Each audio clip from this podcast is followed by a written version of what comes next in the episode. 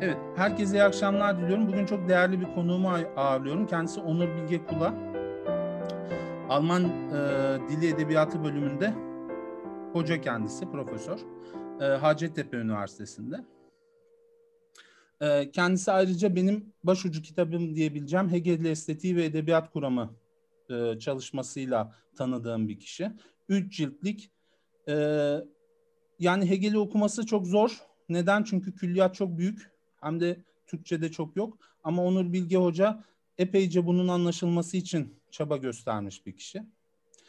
Kendisi e, aynı zamanda iki yıl CHP Bilim Yönetim ve Kültür Platformu'nda e, başkan olarak sanıyorum görev aldı. Evet. E, ayrıca kendisi Cumhuriyet Gazetesi'nde de bizim çok sevdiğimiz kültür e, haber kültür yazıları kaleme almakta. Ee, yani şu anda gördüğünüz çok genç iki e, çocuk arkadaş benim e, dayımın oğulları filmde rol alan e, çocuk rolündeki e, Batuhan. Neden onları da davet ettim? Çünkü felsefeye bir kulak dolgunluğu umuyorum ki bu yaştan başlıyordur. Annem babam burada. Annem babam niye burada? Çünkü filmde de annemi babamı oynattım. Ve kadına şiddet üzerine bir film olduğu için avukat Şerife Özkan'ı da davet ettim.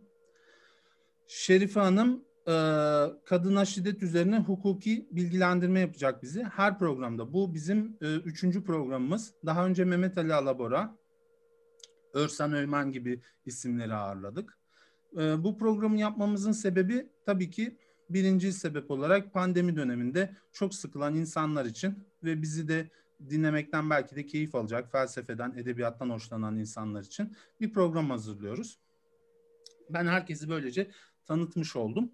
Ee, ben hocanın biraz daha hocayı biraz daha anlatmak istiyorum. Hocanın uzmanlık alanı aydınlanma. Yani aslında Kant, Hegel ve Alman idealizmi.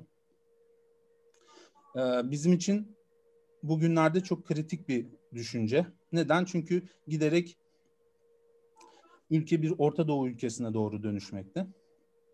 De, değerli olacağını düşündüğümüz bir konuşma. Şimdi bu konuşmanın genel başlığı Aristo, Hegel ve tragedya. Ben bunun için bir e, her zaman olduğu gibi bir girizgah konuşması hazırladım. Aristo'dan bahsedeceğim. Neden bahsedeceğim? Çünkü ilk tragedya kuramını kuran kişi Aristo.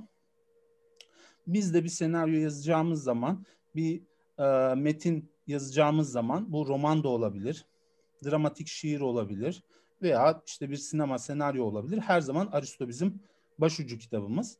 Aristo'nun Poetika diye bir kitabı var. Poetika'nın başına gelenler çok talihsiz. Genelde trajedilerin, trajedi e, hikaye, bize elimize oluşan trajedi metinlerinin de hikayesi genelde talihsiz. Çoğu elimize ulaşamadı. Ama bizim elimize ulaşan kısa sürümü Poetika'nın Aristo'nun okuttuğu iki sürüm var. Biri akademisinde öğrencilerine okuttuğu uzun e, metinler. Bir de kıs, dışarıda insanlara okuttuğu kısa metinler. Şimdi Hegel'e kadarki tiyatro adamlarını epeyce etkilemiş gibi görünüyor. Bugün bile yeni Aristocu eleştiri kuramı dahil olmak üzere e, Aristo'nun ilk tanımladığı günden bugüne çok etkili bir kuran burada diyor ki tragedya sahnede insanlar tarafından gerçekleştirilen belirli bir uzunluğu olan süslü bir dilin kullanıldığı acıma ve korku yoluyla bu gibi duyguların sağlamını yani katarsis gerçekleştiren ciddi ve tamamlanmış olaylar dizisinin taklit ve ye, yeniden sunumudur. Buna da mimesis diyeceğiz. Şimdi çok önemli bir tiyatrocu, tarihin en büyük tragedyalarını yazan Shakespeare Shakespeare'den sonra çok önemli bir düşünür Hegel geliyor. Tabi arada bir 200-300 senelik bir zaman var. Bu arada da bir de Spinoza ve Descartes, Leibniz gibi filozofların olduğu bir çağ var. Şimdi Shakespeare e, bize tragedyanın Aristocu anlamda ortaya koyulduğu metinler bırakmış ve bunlar aslında Hegel için de sanıyorum çok yol gösterici. Şimdi Hegel tüm çağların en büyük düşünürü gibi bir şey söyleyeceğim. Niye bu kadar iddialıyım? Çünkü Spinoza'da e, kendisinden önce de Spinoza'da e, felsefe bir tür ilahiyattır. ilahiyat derken materyalist bir ilahiyattır. Zaman kavramından yoksundur. Ama Hegel'e geldiğimiz zaman belki de döneminin akademisindeki gelişmeler yani tarih, antropoloji gibi alanlardan gelen bilgilerle e, Hegel'de düşünce zaman kavramıyla ilerlemeci bir yön kazanıyor. Bu ne demek? Hegel'e göre çağlar var. İnsan zihni merhalelerden geçiyor. Farklı düşünce e, farklı düşünceleri e, içinden geçerek düşünce insan düşüncesi oluşuyor. Ve kendini aşmayı zorunlu kılan bir filozof. Bu ne demek? Şimdi şu demek e, bir kere zaman var ve çağ var. Yani bugün ben bir Hegelciyim demek bir şey ifade etmiyor belki. Neden? Çünkü yaşadığımız çağ Hegel'in çağından çok farklı. Ee, ve sonraki felsefe de gerçekten böyle yapılanıyor. Ve bakıyoruz ki Hegel, Hegel'e yapılan büyük itirazlar en büyüğü Marx tarafından. Ee, daha sonra yine aynı 19. yüzyıl içerisinde Nietzsche tarafından çok büyük bir itiraz geliyor. Aynı zamanda Kierkegaard tarafından çok büyük bir itiraz geliyor.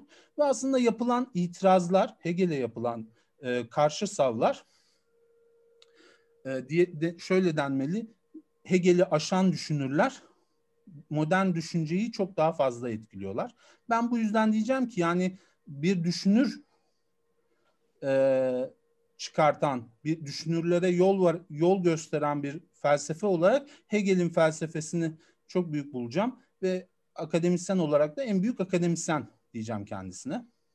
Estetik kuramı çok karmaşık. E, T'nin fenomenolojisi e, adlı yapıtında tragedyalardan bahsediyor. Ama estetik kuramı yani verdiği estetik derslerinin e, incelenecek olursa da şey yapılıyor. Ama aslında bütün külliyatın içerisinde tragediyi tek tek bulmak gerçekten e, çok uzmanlık işi. Biz de iki, ben de ikincil kaynaklardan anlamaya çalışıyorum. Şimdi Hegel'in de bir tragedya tanımı var. Çok önemli geliyor bana bu Hegel'in tragedya tanımı. Diyor ki Hegel'e göre bir kahraman cesurca eyleme geçer ve önemli ve doğru bir konum elde eder. Ancak bunu yaparken aynı anda tersi ve aynı şekilde doğru bir başka konumu ihlal eder. Ve böylece aynı anda büyüklüğün, kabahatin ve tek yanlılığın kurban olur. Bu ne demek? Şunu söylüyor. Benim bir düşüncem var. Öyle değil. Benim bir düşüncem var.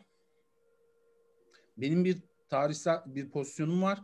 Ben bu pozisyonu elde etmek için karşıtımından ayrılarak bu konumu elde ediyorum.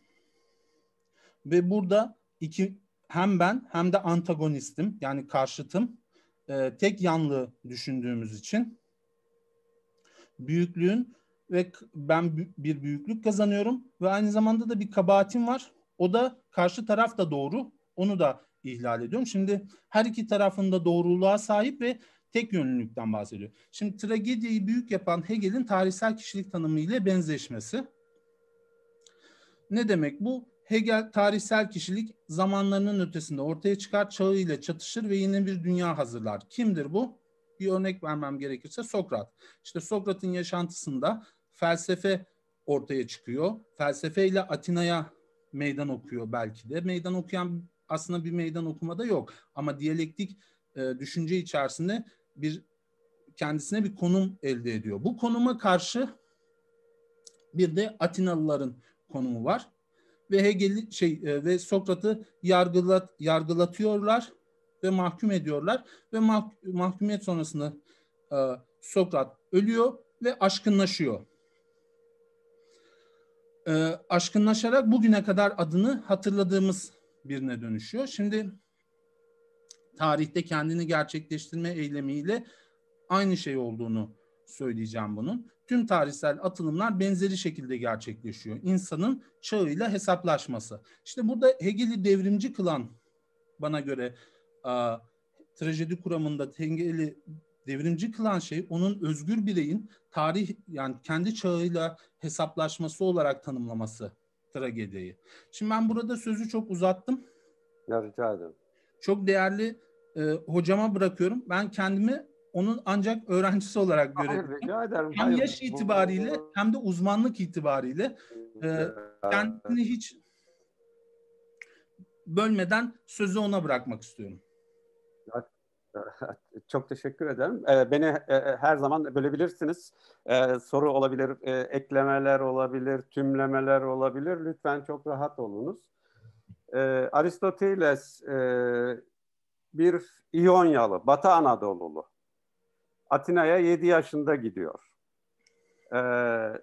Bu sözünü ettiğiniz şey, poetikası aslında Türkçe'ye yazın bilgisi diye çevrilmesi gerektiğini düşünüyorum bunun. Çünkü gerçek anlamda siz de e, değindiniz. E, yazın felsefesinin e, üstelik de sadece e, e yazın da değil, e, dil felsefesinin temellerini de bu kitapta görebiliriz. Zaman e, şey olursa çok e, kısa e, değineceğim bunlara. E, bu yönüyle bakıldığı zaman e, dilin çeşitli alanı sadece dili e, biçimlendirilmiş, düşünceye dönüştürülmüş, logosa dönüştürülmüş bir e, anlatım, iletişim aracı olmaktan daha çok dil, bil, bugün dil bilimin alanları, e, e, anlam bilim, semantik, gösterge bilim gibi alanlarına ilişkin tanımları bu kitapta bulabiliriz. Dolayısıyla hem ilk hem de e, ilk olmasının e, ötesinde bugüne değin birçok yönüyle e, bilimsel bakımdan geçerliliğini koruyan e, belirlemelerin, savların olduğu bir kitaptır bu. Aristoteles'i de işte zaman üstü kılan sizin o dediğiniz e, tarihselleşmek diyelim. Zaman üstüleşmek belki de bugüne değin uzanan e, özelliklerinden birisi. E, biz tragedya, trajedi e, e, kavramı üzerinde duruyoruz ama Aristoteles'in poetikası aslında bir genel anlamda yazın bilim kuramının genel çerçevesini çiziyor. Zaten e, şey, e, kitabın tümünü irdelediğiniz zaman hemen görülecek, e, görebileceğimiz bir şey var. O da şudur. Asıl olarak yazınsal diğer e, komedi olsun, drama olsun, trajedi olsun, bunları yazınsal epos, destan olsun. Bu yazınsal türleri aslında bir bütün olarak ama kendi ayrımları ve kendi e, ayırıcı özelliklerini de ortaya koyarak ele alıyor. Buradaki trajedi tanımı e,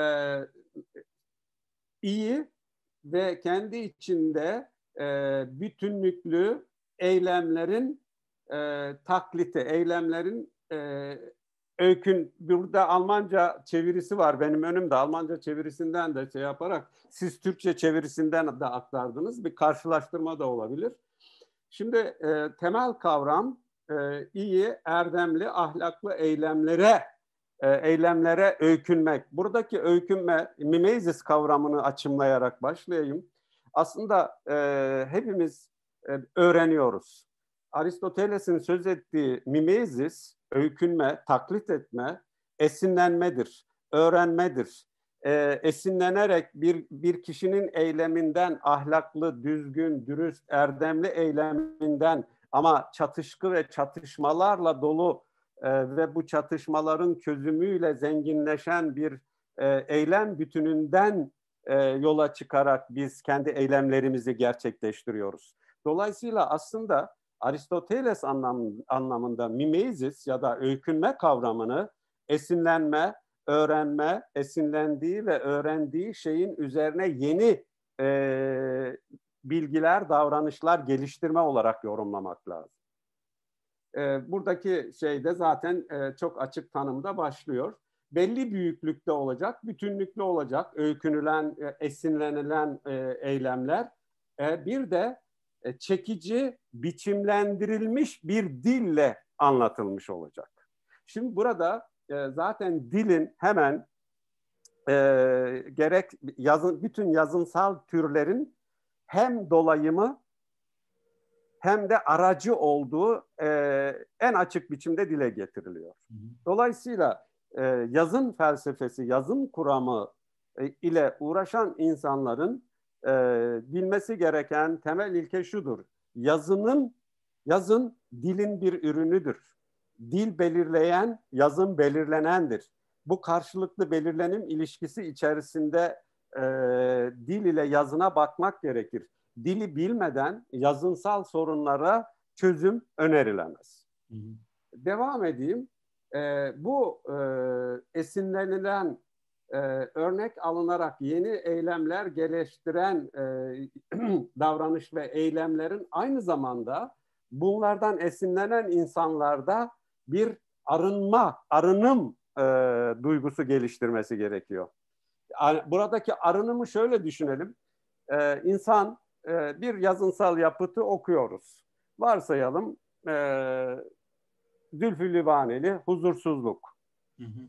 Ee, orada bir ezidi kız çocuğunun 8-10 yaşında biz kız çocuğunun ben de bir insandım ölürken e, tecavüze uğramış en insanlık dışı davranışlarla karşı karşıya kalmış bir kız çocuğunun ben de bir insandım sözünün bizde yol açtığı e, çağrışım ve duygulanım aslında bizim e, yaşamadığımız bir olayı e, yaşayan bir insanda kendimizi onun yerine koyarak başkasının çektiği acıyı birlikte çekmeye eğilim göstermek anlamında birincisi. İki, bu zaten Almanca aslında burada şunu da söyleyeyim belki sizin ilginizi çeker. Ee, Aristoteles'i doğru yorumlayanların başında Hegel'den önce Gotthold Ephraim Lessing gelir. Ha, Lessing. Gotthold Ephraim Lessing, e, Nathan der Weise, Bilge Nathan adlı yapıtı çok ilginçtir, çok öğreticidir. Birçok bakımından her Yine türlü Alman çok... idealizmi değil mi hocam? Efendim? Yine Alman idealistlerinden. Ee, idealizmin daha henüz değil ama Alman şeyin diyelim e, klasik aydınlanma e, veya e, şey olarak aydınlanmadan da önce e, bir e, Goethe'nin de önce biraz yaş olarak Goethe'den de öncedir ama bir filozof yazardır Lessing. E, dolayısıyla da e, o zaten ilk çevirisi e, bu e, arınmaya yol açabilmesi için öykünülen, esinlenen olayların e, kişide e, başkasının acınız, acısını paylaşma ve başkasının e, saygın ahlaklı eylemleri karşısında saygı e, saygı içeren bir korku duyma, e, e, acı çekme ve korkma korku olarak çevrildi ama bu korku Almanca'da korku angst var, bir de furcht var. E, bu furchttur. Yani biraz hem saygı hem de diyelim ki e, çocuklar anne baba veya büyük baba karşısında e, e, bir furcht duygusuna sahipler. E, şeyle saygıyı da kapsayan bir duygu olarak söylüyorum. Bu iki şeyin olması kısacası birlikte acı çekme yani kendisini bir başkasının yerine koyabilme yeteneği. İkincisi saygı içeren bir korku duygusu. Aristoteles'i en iyi yorumlayan ve Almanca'ya en iyi çeviren kişi aslında kanımca Lessing'tir. Zaten bu yönüyle bu kavramları Almanca. Şimdi e, buradaki Mitleid kavramı Almancasıyla yani başkasının acısını paylaşma e, kavramı aslında insanlaşmanın ilk adımıdır. Çünkü başkasının acısını paylaştığınız zaman kendinizi başkasının yerine koyarak anlamaya başladığınız zaman dayanışma duygusu geliştirirsiniz. Bu e, başkası en güçsüz insan da olabilir, güçlü insan da olabilir. Zaten insanlık güçsüzle dayanışmakla dayanışmakla başlar. Dolayısıyla o yönüyle e, şeyin Lessing'in Aristoteles yorumunu çok önemserim. Evet, e, e, şeyin öykünmenin, trajedide öykünmenin e, ne, konusu, nesnesi e, ahlak bakımından, etik bakımdan iyi, doğru davranışlar olduğunu söyledim. Şeyi ise, e, öykünmenin aracı ise dolaysız olarak biçimlendirilen dildir, logostur. E, şimdi buradaki biçimlendirme kavramı üzerinde durmak gerekir. Zaten Hegel'e de e, böylece bir e, e, Hegel'in temel aldığı e, estetik kuramında temel aldığı konulardan birisine de kısaca değinmiş oluyoruz. E, sanat biçimlendirme eylemi sonucunda ortaya çıkar. Biçimlendirme olmaksızın sanat olmaz. Hı hı. E, o nedenle de örneğin Hegel'de doğa güzeli, sanat güzeli kavramı vardır. Doğa güzeli e, sanat güzeline göre biraz daha değersizdir. Çünkü sanat güzeli doğa güzeline tinsel bir işlem, tinsel bir nitelik katmıştır. Dolayısıyla da bu tinsel nitelik e, doğal güzelin işlenerek, sanatçı tarafından işlenerek doğal güzele katılan tinsel nitelik, e, sanat güzelini doğal güzeline karşı daha değerli, daha üstün duruma getirir. Bu e, Hegel'in Aristoteles'ten e, biçimlendirme kavramını e, Aristoteles'ten üstlendiği bir kavram olarak dile getirmiş olayım. Evet, şimdi e, zaten bir trajedide e, veya yazınsal yapıtta diyelim, genelleştirerek biraz daha söyleyelim. E, eylemler, e, eylem örgüsü e, yapıtın e, izleyini, temel izleyini, yan izleklerini oluşturur, motif. E, burada Aristoteles e, Almanca metinden söylerim, mitos veya fabel kavramını kullanır. Olay örgüsü anlamında. Şimdi o zaman e, karakterlerin nasıl oluştuğunun temelini de e, yapıta temel oluşturan e, olay örgüsünün iyi örülmüş olmasında görmek gerekir. E, bir de e, Aristoteles'in e, pek açmadan ama e, vurguladığı çok önemli bir konu e, vardır. Sanat yapıtı. E, sanat, her sanat yapıtı ister tiyatro olsun, ister e, günümüzden söz edelim, e, film bir film olsun, isterse bir roman ya da başka bir e, e, yapıt olsun, bir e, alımlayıcıyı amaçlar. Tabii. E, alımlayıcının varlığı sanat yapıtının varlık kazanmasını ve kalıcılaşmasını sağlar. Aristoteles'in en önemli yönlerinden birisi daha baştan e, şey olarak e, e, tiyatro söz konusu olduğu için o dönemde tabii bir de Aristoteles'in milattan önce 4. yüzyılda yaşadığını da e, anımsayalım. O dönemde bugün Anadolu'nun özellikle Batı Anadolu'nun her yanında gördüğümüz amfiteyatrler zaten o dönemin kültürünün çok önemli kalıntılarıdır. Dediğim gibi Aristoteles de Batı Anadolu'dur. Ee, Batı Anadolu'dur, İyonyalı'dır. Yazınsal yapıtın temel ögeleri eylem, karakterler, dilsel biçimlendirim, düşünme ve bilgi geliştirme yeterliliği olacak. E, sahneleme ve e, müzik, melodik. E, tabii tiyatro kavramından söz, söz edilince tiyatronun aslında e, birçok sanatı bir araya getiren bir sanat alanı olduğunu da söylememiz gerekir. Tamam. Tiyatronun e, bir tiyatro yapıtı var, yazınsal bir metin, müzik var, sahneleme var, dekor var ve bunları birleştiren ögeler var. Dolayısıyla aslında tiyatrodan söz edince e, aynı operadan e, söz eder gibi çok sanatlılık kavramından yola çıkmamız gerekir. Tek bir sanat yok orada. Birçok sanatın çoğul sanat diyelim ya da e, bu kavramlaştırmalar tabii Türkçe'de bizim sanat edebiyatla ilgili konularda e, henüz daha kavramlaştırma eksiklerimiz çok. Ben Cumhuriyet Kitap'taki yazılarımda bu konuları ele alıyorum. Ee, çok ilginçtir aslında e, ben şu kadar yıldır düş, e, Cumhuriyet kitap okuyorum ama hala Nurullah Ataç gibi ne bu sözcüklerde direniyorsunuz diye bana e, yakınanlar da e, oluyor. Şimdi ben aslında bir şeyde direnmiyorum. Benim yapmak istediğim şey ben e, edebiyat, felsefe, dil felsefesi alanında çalışan bir insan olarak çalıştığım alanların e, kavramlarını oluşturmaya çalışıyorum. Tabii. E, şunun için bir e, bilim alanının bilim alanı olarak adlandırılabilmesi için kuramı, kuramları olması gerekir. Yöntemi, yöntemleri olması gerekir. Kavram örgüsü olması gerekir. Bu üç özelliği olmayan e, bir alanın e, uğraş alanını bilim alanı olarak adlandırmak söz konusu olamaz. Şimdi e, Türkiye'de ta Çağdaş Üniversitenin kuruluşunu 33 ile e, başlatalım. Evet, e, 33 yılından beri neredeyse 90 yıldır e, geçen süreç içerisinde felsefe kavramları, yazın bilim, dil bilim kavramları ve diğer bilim alanlarında hala çalışan insanların bir görevi olarak kavram oluşturma önümüzde duruyor.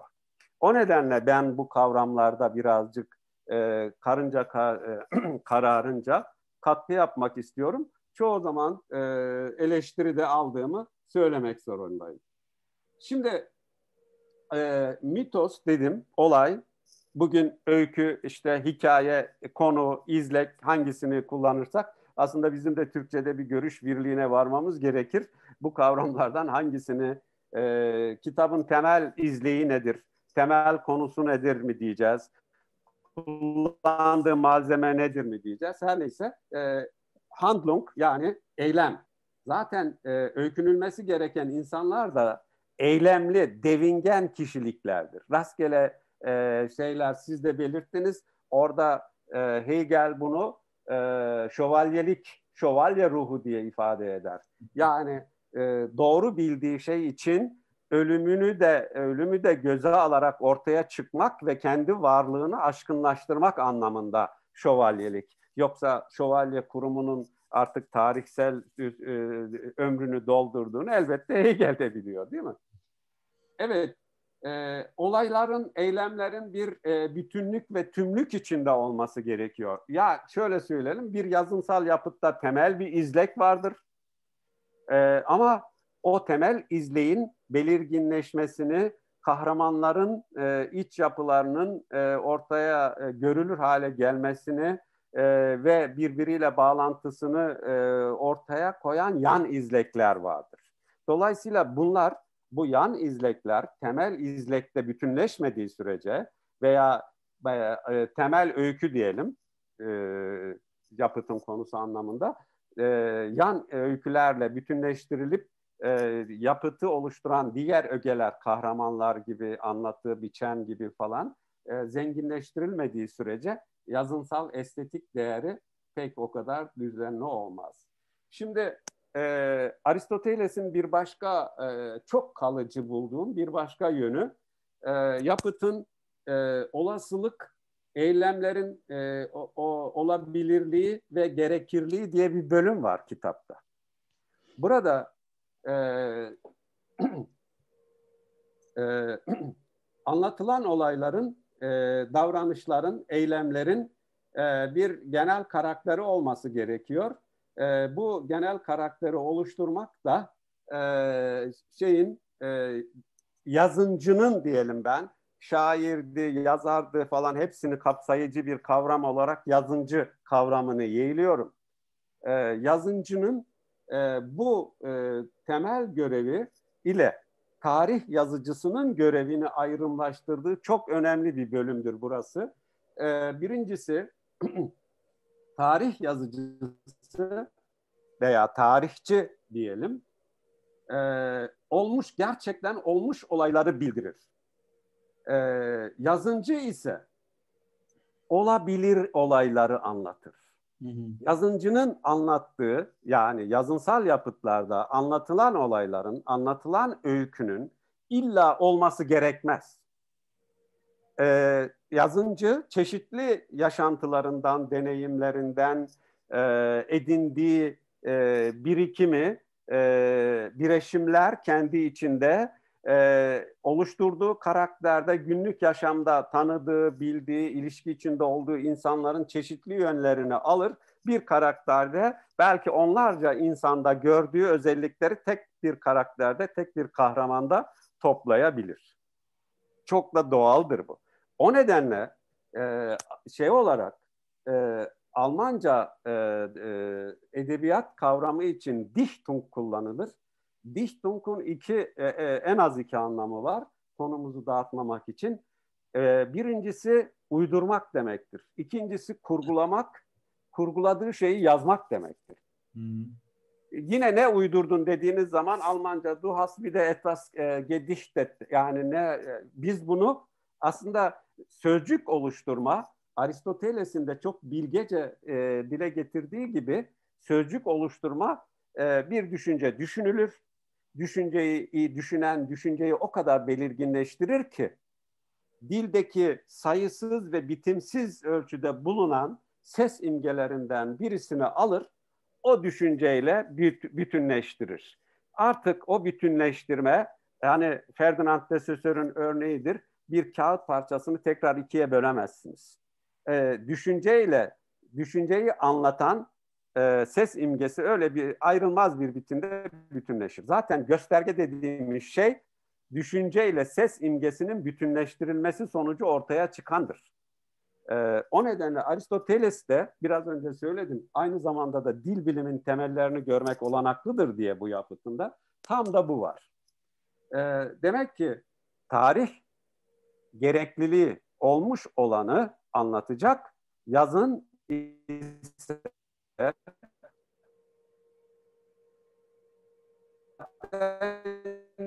yinelen duruyor.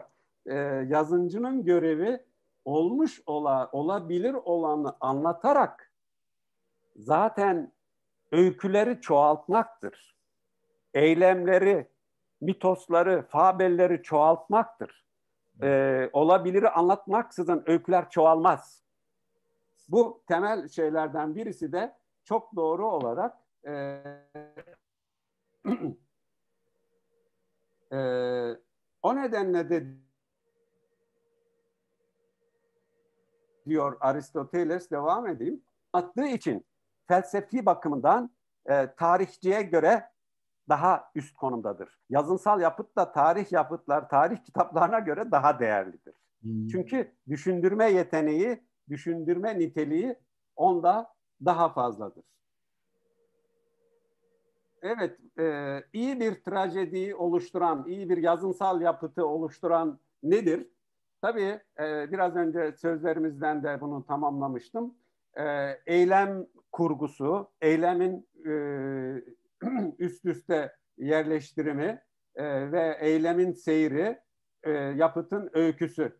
Bunlar ahlaksal bakımdan e, hem bir e, değer taşıyacak hem de izleyeni, okuyanı e, bir düşünsel e, değişime çağıracak, dönüşüm, dönüm noktası olabilecek nitelikte olması gerekir.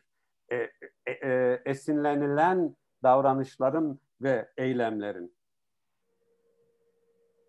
Bu bir seçim nokta e, tabii. E, kim seçimi yapacak? Doğal olarak yazıncı. Hangi eylemi? Örneğin Zülfü Livaneli'ye biraz önce sözünü ettim e, Serenat'tan sonra kardeşimin hikayesinden sonra e, Konstantiniye Oteli'nden sonra o huzursuzluk kitabı eğer bir e, ezidi kız çocuğunu temel alarak bütün e, siz de çok e, gururlandım kadına karşı şiddet e, e, insan düşmanlığına karşı e, karşı çıkış karşı direniş olarak algılanmalı ve her tarafta vurgulanmalı annemiz kız kardeşimiz e, kadındır pek ayrımına varmıyoruz. Eşimiz kadındır pek ayrımına varmıyoruz. Ama ne zaman ki kızımız kadınlaşıyor, torunumuz kız oluyor. Ondan sonra kadın sorununu düşünmeye başlıyoruz. Ee, kadını da nesneleştirmekten de çekinmiyoruz ayrıca. Her neyse. Ama zaten kadın e, cinayeti bu anlamda bir tür nesneleştirme durumu. Tabii. Çok doğru. Çok doğru e, şey olarak işte yani aslında duygu yitimi e, o sizin bahsettiğiniz Aristo'da olması gereken yani korku ve acıma duygularını hissetmemiz gereken şeyler empati duygusu yoksunluğu gibi de anlaşılabilir bütün bu durum. Tabii tabii. Ee, o kitabın bir de zaten e, ilgili bölümü Aristoteles'in e, alımlama ve alımlayıcı. Bu e, e, bu kavram üzerinde de bizim Türkçe'de e, görüş birliğine varmamız gerekiyor. E, dilde bir kavramın yerleşmesi için o kavram üzerinde görüş birliğine varmak ve o kavramı kullanmak gerekir. Hangi araçları kullanıyorlar? Hangi malzemeleri kullanıyorlar? E, o malzemeyi nasıl biçimlendiriyorlar? Çok önemli. Aristoteles'in çok bilgece bir şeyi. iki veya üç nasıl, hangi tarzda e, esinleniyorlar, örnek alıyorlar. Zaten e, şey farklı biçemleri yaratan etmen insanların biçim, biçimlendirdikleri nesneyi, biçimlendirdikleri malzemeyi yazın söz konusu olunca biçimlendirilen malzeme dildir. E, dolayısıyla yazıncının dilsel malzemeyi biçimlendirme tarzı belirleyici önemdedir. Buna yazın e, malzeme üzerinde yapılan biçimlendirici çalışmaların toplamı biçemdir. Hegel'de artık bu tanım belirginleşir. E, Aristoteles'te başlayan. Ya dilsel öz, malzeme... biçim ve içerik. E, efendim? Biçim ve öz, biçim ve içerik gibi tartışmaları söylüyor. Evet, evet o, onlara da geleceğim. Ee, şey olarak şey olarak e, ilginç bir nokta daha e, Aristoteles, Homer, e, Empe, Empedokles gibi e, şey insanları e, ortak yönünün yazınsal dil olduğunu ve o nedenle de yazınsal dili e, dili kullan ya, dili yazınsallık düzeyine yükselttikleri için bunların yazıncı olarak nitelendirilmesi gerektiğini e, yazıncının tanımı bakımından bu da çok ilginçtir. Evet, zaten Nak'am'ın konusunu yeterince e, öykünme, esinlenme konusu. E, Homer'i Homer'i Homer yapan nedir diye bir kendisinin e, açıklama bölümü var. E, Homer kendisinden önceki en iyi insanlara, insanlardan en iyi biçimde esinlenerek Homer olmuştur. Hı hı. E, bu da e, ayırıcı bir özellik. E, nesnelere öykünme olayı zaten e, şeydir, e, ah, e, yazınsal türlerin nasıl ayrıldığı konusunu e, edebiyat sanatı bir de e, poetik için Yunanca'da tabii e, baştan da söyleyebilirdim. E, Yunanca anlamı e, yaratma, e, yazınsallaştırma sanatıdır poetikin. Hı hı. Evet, dolayısıyla e, poetik için yaratan, yazınsallaştıran sanat türü e, artık zaten bugün de kabulleniliyor ama çeşitli biçimlerde e, daha e, evet şimdi edebiyatı Homer'le başlatıyor. Bu çok ilginçtir. E, bugün zaten e, Avrupa'da yazın bilim e, arasında çalışan insanların kabul ettiği bir e, durumdur. E, Homer e, edebiyatın kurucusudur. Homer'le de bir iki bir şey söylemek isterim. Son e, İngiltere ve Avusturya'da yapılan araştırmalar, araştırmacıların öne sürümleri var e, Homer'le ilgili. E, Homer'in uzun süre Çukurova'da yaşadığı, Musul yakınlarındaki bir kütüphanede uzun süre çalıştığı, e, dolayısıyla ben şöyle e, Çukurova'daki anlatı geleneğinin zenginliğinin nedenleri arasında Yaşar Kemal'i Yaşar Kemal yapan acaba sadece Karacaoğlan mıydı? Karacaoğlan'dan önce kimler vardı? Ee, yaklaşık Ozanlık kültürü zaten destan kültürü evet. çok eski. Demek ki aslında Homer'de kendini Tabii buldu. yani bu şimdi Anadolu tabii bizim e, Türkiye'de bilim yapan insanların çok geniş bir ufka sahip olması gerekiyor. E, bu onların tabii e, gücünü aşabilir zaman zaman tekil bilimcilerin ama çok geniş bir bakış açısı ve ufuk olmaksızın Anadolu'nun kültürel birikiminin ortaya çıkarılması zordur.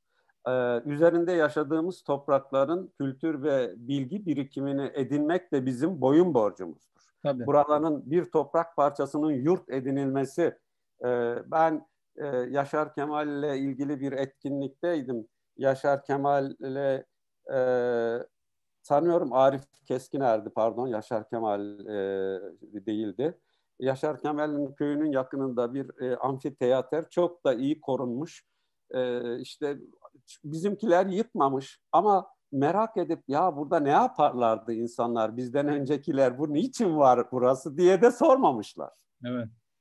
E, dolayısıyla artık bizim e, bu kişilerle e, e, birazcık kişi de demeyeyim ama bu sanat birikimiyle, bilgi birikimiyle, kültür birikimiyle irdeleşmemiz boyun borcudur ve buradan e, Atatürk'ün Ege uygarlığının kökleri diye birinci tarih kurultayında 1932'de e, bir başkası Atatürk yazdırıyor ama bir başkası e, bildiri olarak sunuyor. Ege uygarlığının, Ege e, medeniyetinin kökleri olağanüstü bir felsefe yazısıdır ve bu konuda da hepimiz için çok ciddi bir kaynaktır. Homer edebiyatın kurucusu olarak zaten e, bu tanım şeye dayanıyor. Aristoteles'in yaptığı bir şeydir. e, Homer için zaten e, en saygın, en fazla, en iyi, e, en öğretici, en kalıcı eylemleri e, eylemlerden esinlenerek onları yeniden yaratan ve e, yeniden yaratımına temel oluşturan yazıncı olarak diğer iki yazıncı daha var andığı Aeschylus ve Sofokles. Çok Onları güzel. neden şey yaptıklarını geçeyim. Komedi tra tragedi ayrımı e, güldürü ağlatı biz e, trajedi için ağlatı önermiştik ama pek o kadar kullanılmıyor her nedense. E, siz de bu kitabın e, uzun e, versiyonunun kayıp olduğunu söylediniz. O uzun versiyon kayıp bölümde özellikle sanıyorum komedi bölümü var. Evet çok ne yazık ki hocam. E, şey olarak e, edebiyatın kaynağı olarak da e, Aristoteles Sicilya'yı gösteriyor. E, gelen, e, şey e, eylemleri e, kurgulamanın kökeni Sicilya'dır diyor. Hı hı. E, bunu tabii düşünmek gerekir. Kendisi Batı Anadolu'lu ama neden Sicilya'yı özellikle örnek gösterdi? O konularda e, gerçekten ilginç. Her neyse dil çok önemli bir e, girişim e, yapıyor. Dili tanımlamaya çalışıyor. Dilin e, şey olarak e, dilden anladığım şudur diyor. Bir araya getirilen e, ve dizeler şeklinde bir araya getirilen, dizeler durumuna getirilen sözcüklerdir. Sözcükler arasında bir e, müzikalite e, ve e, uyum olması gerekir. Bu şeyi dilin e, kaynağı e, tümüyle duyu e, eylemlerin e, e, eylemlerden esinlenme mitostur sözü yine onun e, bir yazınsal yapıtı oluşturan temel ögeler öykü mitos yani yazınsal yapıtın konusu karakterler dil bilgi yeterliliği sahneleme ve e, sahneleme ile birlikte müzikalite temel nitelikler olarak dile getirdiği şeydir. Evet ben belki de burada bunu bırakıp bir, de dille ilgili belki şunu da söyleyeyim. E, dilden e, ilk defa dil bir iletişim, anlaşım aracıdır tanımı Aristoteles'in. Evet. E, daha sonradan işte bunu Humboldt e, Hegel de büyük ölçüde Humboldt'tan esinleniyor ama e, Humboldt'u hiç anmıyor. O da ilginçtir. Hegel'in e, çalıştığı üniversiteyi kuran Humboldt kardeşlerdir 1810'da. Ona da çok kısaca değinirim. Şimdi o Hegel'le ilgili olarak e, birkaç e, ana hatlarıyla yine e, söyleyelim. Tabii Hegel estetiği e, Hegel'in estetik üzerine dersler e, aslında Berlin Üniversitesi'nde olgunluk dönemi e, ürünüdür. Öğrenciler tarafından kendisinin e, ölümünden sonra öğrencileri tarafından e, yayımlanmıştır toplu yapıtları. E, tabii notları falan filan da var. E, o estetik üzerine dersler başlarken çok ilginçtir. Ben e, Kant'ın e, estetik anlayışını çürütmek üzere estetik derslerini başlatıyorum diye bir şeyisi vardır. Hegel'in bir savı veya sözü diyelim. Aslında Kant'ın e, estetiğini e, geliştirdiği Yargı Gücünün Eleştirisi adlı e, kitabında yapıtının da toparladığı düşüncelerin e, tümünü Hegel'in çürütmesi söz konusu olamaz. Sadece çok ana hatlarıyla söyleyeyim. Hegel'in Kant'ın estetiği üzerine kurduğu e, veya Kant'ın estetiğini daha da ileri götürdüğü noktalar var. Onlara biraz önce bir kavram çiftinden söz ettim. Doğa güzeli, sanat güzeli. Bu Hegel'in çok önemli bir e, soyutlaması, düşünsel soyutlamasının ürünüdür. E, Kant'ta beğeni yargısı, güzele ilişkin yargı beğeni yargısıdır. Beğeni yargıları sorgulanamaz, beğeni yargıları üzerine tartışılamaz. Çünkü beğeni yargıları kavramlaştırılamaz. Kavramlaştırılamayan bir şeyin de doğru veya yanlış olduğu kanıtlanamaz. Kant'ın savı bu. Hegel ise bu yargı kavramından yola çıkarak sanıyorum 11-12 tane yargı türü geliştiriyor. Kant'ı aşmak anlamında. Bitimli yargı, bitimsiz yargı, olumlu yargı, olumsuz yargı, beğeni yargısı, bilim yargısı gibi. E, bunlar var ona e, şey olduğu için söylem şey yapmayayım ama Hegel'in e, ilk e,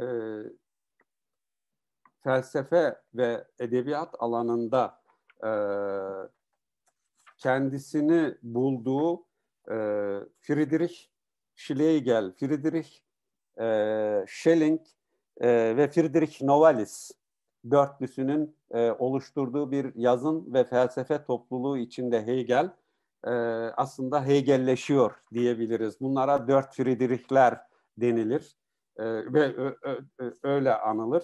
E, Hegel e, e, estetiğini, Hegel'in estetik sanat felsefesini aslında aydınlanma ile romantizm arasında ki etkileşimde aramak gerekir. Çünkü e, aydınlanma felsefesine de e, örneğin aydınlanmanın tanımını da Hegel, Kant'ın aydınlanma insanın kendi yarattığı erginsizliklerden, bağımlılıklardan, yetersizlikten kurtulmasıdır. Bunun için insanın korkudan ve tembellikten kurtulması gerekir diye başlayan aydınlanma nedir yazısında. Müthiş aydınlanma, şey. ya tabii tabii aydınlanma öz bilincin özgürlüğüdür. Öz bilincin özgürleşme uğraşıdır Hegel'in de e, daha da e, e, özgürlük kavramıyla e, aydınlanmayı ilişkilendirmesi bakımından ilginçtir.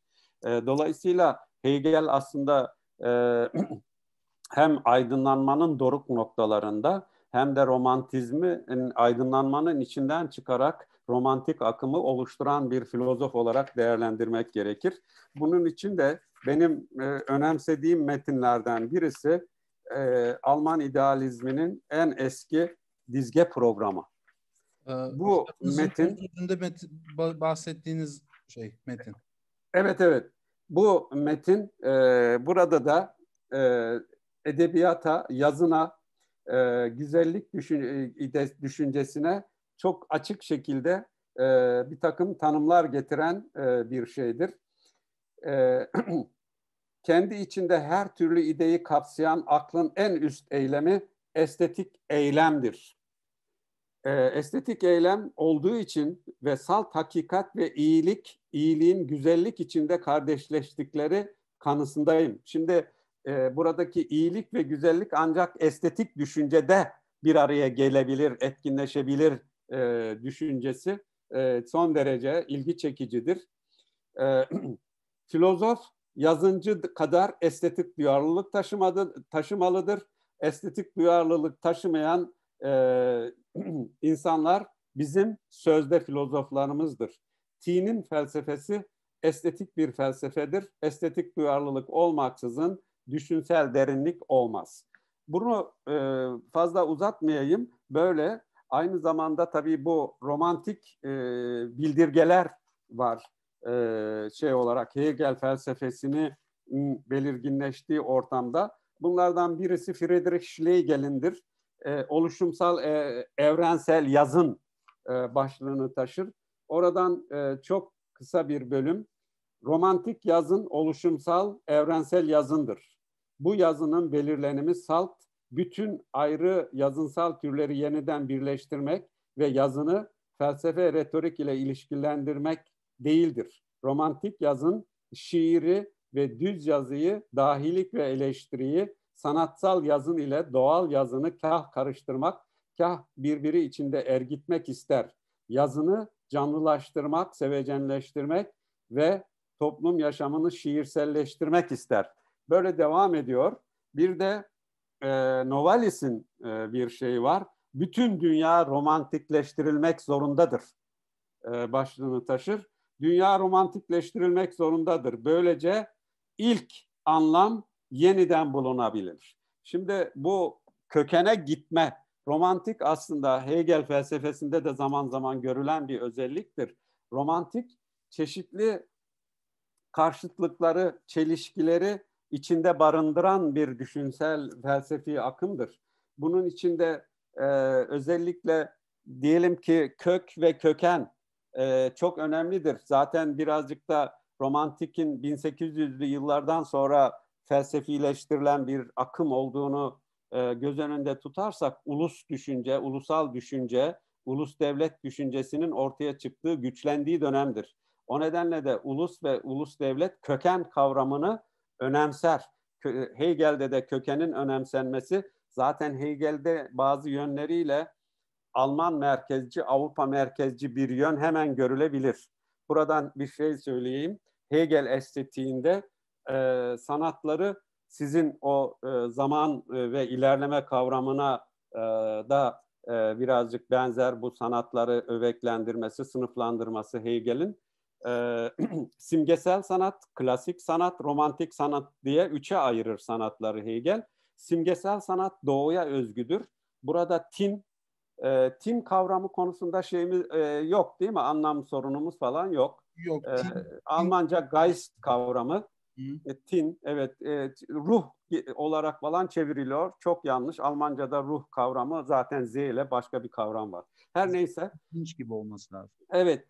E, bu e, doğu sanatı, doğuya özgü sanattır, simgesel sanat. Burada tin henüz kendisi için özgürleşmemiştir. Kendisi için bağımsız bir varlığa dönüşüp üretkenleşememiştir. Üretkenleşemez de doğu dünyasına karşı Hegel'in zaten oryantalizmi felsefileştiren bir filozof olduğunu da burada söylemek isterim. Ee, bu simgesel sanatın simge zaten adı üstünde hem bir nesne olacak hem de o nesneyle ilişkilendiren çağrışımlar olacak. Ee, simgesel sanatın temel e, tarzı veya nesnesi, malzemesi mimaridir. Ee, klasik sanat Yunan dünyasının sanatıdır. Ee, tin özgürleşme sürecinde çok yol almıştır. Ee, öznenin özgürlüğü e, ve tinsel üretimiyle kendisini e, kalıcılaştırma eğilimi belirginleşmiştir. E, klasik sanatın e, temel e, şeyi e, türü e, dramadır. E, romantik sanat Avrupa dünyasının sanatıdır e, tin tümüyle özgürleştirmiş, özgürleşmiştir. E, birey, insan özgür bireye dönüşmüştür. E, tinin özgürleşmesi zaten üretimini somutlaştırarak tarihse, tarihte kalıcılaşması demektir. E, romantik sanatın da temel yazınsal türü e, romandır. Roman insanın en katıksız içselliğini, e, en ayrıntılı, en e, şey e, kalıcı ve etkileyici, al, alımlayıcı, e, e, okuyucuyu etkileyici biçimde anlatma yeterliliğine sahiptir. Romanın bir başka özelliği roman diğer bütün yazınsal türleri bünyesinde toplar. Dramanın özelliklerini, trajedinin özelliklerini, şiirin özelliklerini, denemenin özelliklerini, yazınsal ne kadar tür varsa roman bunların tümünü içerir. Dolayısıyla da edebiyatında epeyce bunları göreceğiz. Evet, evet. E, Hegel'de göreceğimiz, e, e, gördüğümüz etkilerden birisi de budur. Burada e, birkaç şey e, biçim içerik e, ile ilgili olarak Hegel estetiğinin diyalektik yönünü veya kalıcılığını sağlayan en önemli etmenlerden birisi bu biçim içerim kar, e, içerik arasındaki karşılıklı belir, belirlenim ilişkisidir. E, içerik e, kendisini görülürleştirmek için bir biçime gereksinir. Biçim içeriğin dışa vurduğu dolayımdır. E, dolayısıyla e, içerik nedenli tinsel bakımdan dolgun ise biçim o kadar etkileyici olabilir. E, ve her e, içerik bakımından, e, e düşünsel bakımdan e, dolgun olan, e, dişe dokunur olan her içerik kendi biçimini özünden türetir. Dolayısıyla e, bu e, biçim içerik diyalektiği karşılıklı bir belirlenim ilişkisinin çok açık anlatımıdır. Hegel'in e, Kant'ı bence e, aştığı en önemli e, e, özelliklerinden birisi bence bu kavram çiftinde görülebilir diye düşünüyorum.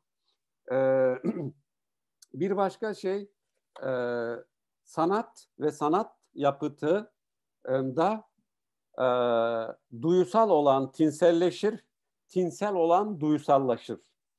Hegel'i Kant'tan e, ileri götüren temel e, belirlemelerinden birisi de budur.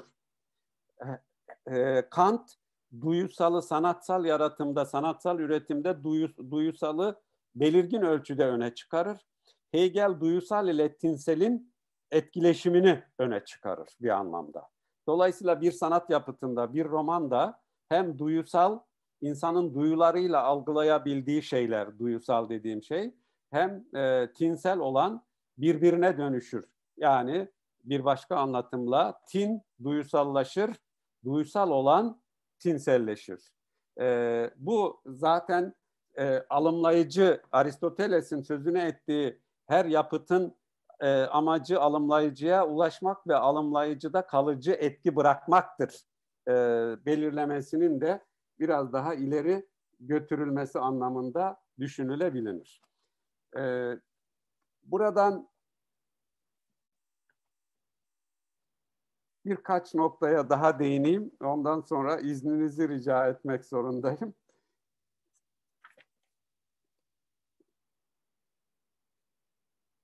Hegel e, estetiğinde durum kavramı biraz e, önemsenmesi gereken kavramdır.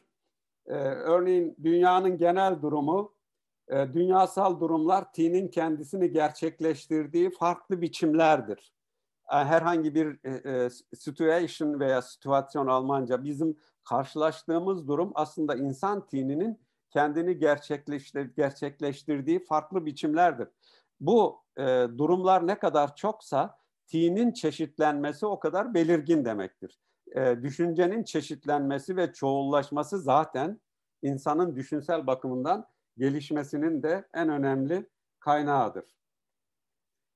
Evet, e, sanatı yaratan şey tikel biçimlendirmenin bitimsiz olanağıdır. Bunu da ben önemserim bu tanımı şunun için e, tikel e, her sanat belli bir malzemeyi biçimlendirmekle oluşur demiştim. Örneğin yazın sanatı söz konusu olduğu için, trajedi e, söz konusu olduğu için biçimlendirilen malzeme dil olduğuna göre o zaman e, sanatın, yazın sanatının özü tikel biçimlendirmenin bitimsiz olanağı. Birincisi bu şu demektir. Bir yazınsal yapıt, örneğin e, aşkı, nefreti, öldürümü anlata, anlatma e, eğer e, şey olsaydı bu biç, e, bi, biçimleme ve biçemleştirmenin olanakları sonsuz olmasaydı her konuda sadece bir sanat yapıtı, bir yazınsal yapıt yaratılabilirdi. Halbuki aşkı anlatan yüzlerce, binlerce, milyonlarca yapıt var. Buradaki şey nedir? Anlatımın e, tikelleştirilmesidir. Biçemin e, e, tikelleştirme tarzıdır. Dolayısıyla dildeki anlatıcının e, bitimsiz tikelleştirme yeterliliği ile dilin öz yapısının buna uygunluğu sayısız ve bitimsiz ölçüde yazınsal yapıtın yaratılmasının kaynağıdır. Hegel'in bence vurgu yapılması gereken estetiğinde e, vurgu yapılması gereken en önemli yönlerinden birisi olduğunu düşünüyorum. Bir başka konu Aristoteles'in çok dolaysız olarak etkisini taşır. Ee, değiştirmenin değiştirilmesi olan çatışma.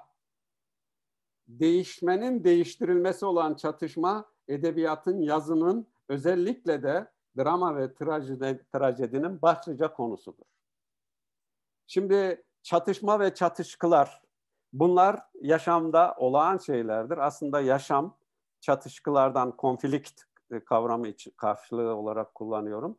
Yaşam çatışkılardan ve çelişkilerden, karşıtlıklardan oluşur ve bunların e, e, çözümü, bunların alt edilmesi veya düşünsel anlamda bir üst düzeye çıkarılması ile ilerleme düşüncesi gerçekleşebilir. Kendi içinde gelişmiş bir eylemi ancak yazın trajedi anlatabilir. Kendi içinde gelişmiş ve çeşitlenmiş bir eylem. E, tekil bir eylemin zaten yazınsal çekiciliği, sanatsal çekiciliği de olmaz. Çeşitlen kendi içinde bir insanla anlatırken e, o insanın dikkat edilirse iyi romanlarda o insanın iç konuşmaları, e, kendisiyle, özüyle hesaplaşması falan e, romanın boyutunu, düşünsel derinliğini çok geliştirir. Karakterin özelliği, öznel özelliği ve öz gerçekleştirimi, hakik, hakiki karakter öz belir, belirlenimli karakterdir. Şimdi bu trajedinin en temel noktalarından birisidir. Hakiki karakter öz belirmen, belirlenimli bir karakterdir. Yani e, bir başka anlatımla karakter eylemlerini, e, düşüncesini bir e, dış etkiye bırakamaz. Öz belirlenimli olması, bağımsız, özerk davranması gerekir. Bu bağımsız, özerk davranış aslında hem e, çeşitliliğin, bireysel bireyin, e, bireylerin çeşitlenmesinin hem de düşüncenin çeşitlenmesinin de en önemli kaynağı. Dolayısıyla da ilerlemenin de kaynaklarından birisi olarak düşünülmelidir. Hocam burada bu belirlenim e, arzu mudur? Karakter, karakterin arzusu mudur? Evet. E, yani buradaki öz belirlenim kavramı e, Selbstbestimmt Almanca'da e, aslında özerk davranış, bağımsız davranış anlamında da e, de şey yapabiliriz. Buradaki söz konusu olmaz e, olan şey öz belirlenim aslında Hegel felsefesinde çok önemlidir. E, çünkü e, aslında bu aydınlanmanın da Hegel felsefesinin e, romantik bir felsefe e, olmakla birlikte aydınlanmanın en temel özelliklerinden birisi öz belirlenimli bireydir. Bireyin öz belirlenimli duruma gelmesidir. Bireyin bağımlılıklardan, yetersizliklerden, erginsizliklerden kurtulması ne demektir? Bütün bu şeylere karşı özgün, özel bir insan olarak e, kendisini ortaya koyabilmesidir.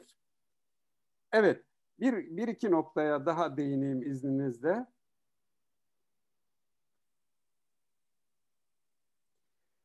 Evet, bu çok önemsediğim bir şeydir. Yazıncı soyut dışsallık olan dilsel kurallardan kurtulduğu ölçüde özgürleşir. Soyut dışsal e, kurallar e, bütünü olan dilden kurtulduğu ölçüde özgürleşir. Bu ne demektir? Her yazıncı dilsel malzemeyi biçimlendiriyor. E, Hegel'den başka örneğin Hegel e, heykelden de esinlenerek söylediği bir şey vardır. Sanatçı e, malzemesi üzerine şiddet uygular. Hı hı. Ee, tabii bu heykelde daha görülür bir şeydir değil mi? Ee, çekiçle, bir baş tornavidayla, başka kesici, delici e, araçlarla e, heykeltıraş e, kullandığı malzemeyi biçimlendirerek anıta dönüştürür. E, bunu dile uyarlarsak, dilin e, zaten yazıncının dilin dışsal kurallarından e, özgürleştiği, e, kurtulduğu ölçüde özgürleşebilir belirlemesi, yazıncı dili doğal günlük haliyle bırakamaz. İşlemek zorundadır, biçimlendirmek zorundadır. Onu da öyle bir biçimlendirmelidir ki sonunda özgün bir biçem ortaya çıkmalıdır. Bunu neden önemsediğimi Türkiye'den bir örnekle açıklamak isterim. Orhan Pamuk çok eleştirilir. Hatta e, geçenlerde İlber Ortaylı bir günlük gazetede bir ay kadar önceydi ben Orhan Pamuk'u okumuyorum. Türkçe o Türkçe çünkü o Türkçe bilmiyor. E, kimseye de okumasını öğütlemiyorum. E, çünkü e, bu bilgisizden bir şey çıkmaz gibi bir şey söylüyor. Yok biz ailece öyle düşünmüyoruz hocam. Hayır ama bu e, nasıl böyle bir şey söylenebilir? Bu kadar e, rahatlık nasıl olabilir? E, Hegel'in işte biraz önce sözünü ettiğim ilkesi sanatçı dilin dışsal kurallarından kurtulduğu ölçüde öz, e, yazıncı e, özgürleşir demek dili biçimlendirdiği ve kendine özgü bir biçem biçimlendirici çalışmaların toplamını biçem olarak tanım, tanımlamıştık. Zaten Hegel'in tanımıydı. Kendine özgü bir biçem geliştirdiği ölçüde e, bir e, tekil yazara dönüşebilir. Başka evet. türlü olamaz. Benim adım Kırmızı böyle bir eser. Mesela annem çok sever. Bu pandemi sürecinde okuma fırsatı buldu. Tabii benim adım Kırmızı. Ben de çok e, roma yazı yazdım. 7-8 yazı yazdım o romana ilişkin. E, Masumiyet Müzesi olsun, e, diğer e, kafamda bir tuhaflık e, son romanlarından söz ediyorum. Ayrıca bir yazarı dil kullanımı bakımından eleştirmek çok büyük bir bilgisizliktir. Yazın ve estetik bilgisinden çok uzak olmanın göstergesidir. Ee, onu Orhan Pamuk yapan dilsel malzemeye bir dilsel malzemeyi kendi özgün anlayışı doğrultusunda e, biçimlendirme yetisidir. Dolayısıyla da zaten e, dilsel malzeme trajedinin tanımında yazın aslında trajediyi tanımlarken genel anlamda o tanım tüm yazın için geçerlidir. E, dil, e, biçimlendirilmiş dil bu da logostur diyor. Logos aynı zamanda düşüncedir. E, düşüncenin anlatımıdır. Dil yazının, edebiyatın e, hem dolayımıdır hem malzemesidir e, biçimlendirilecek malzemedir ve e, başkasına aktarılacak dil, yazınsal yapıt kendisini ancak dil üzerinden dolayımlayabilir, başkasına aktarabilir. Dolayısıyla da burada yazınsal yapıtın temel niteliğinin biçimlen e, dilsel malzeme üzerindeki biçimlendirici çalışma olduğunu da vurgulamak gerekir. E, iz, izninize sığınarak burada son vermek isterim.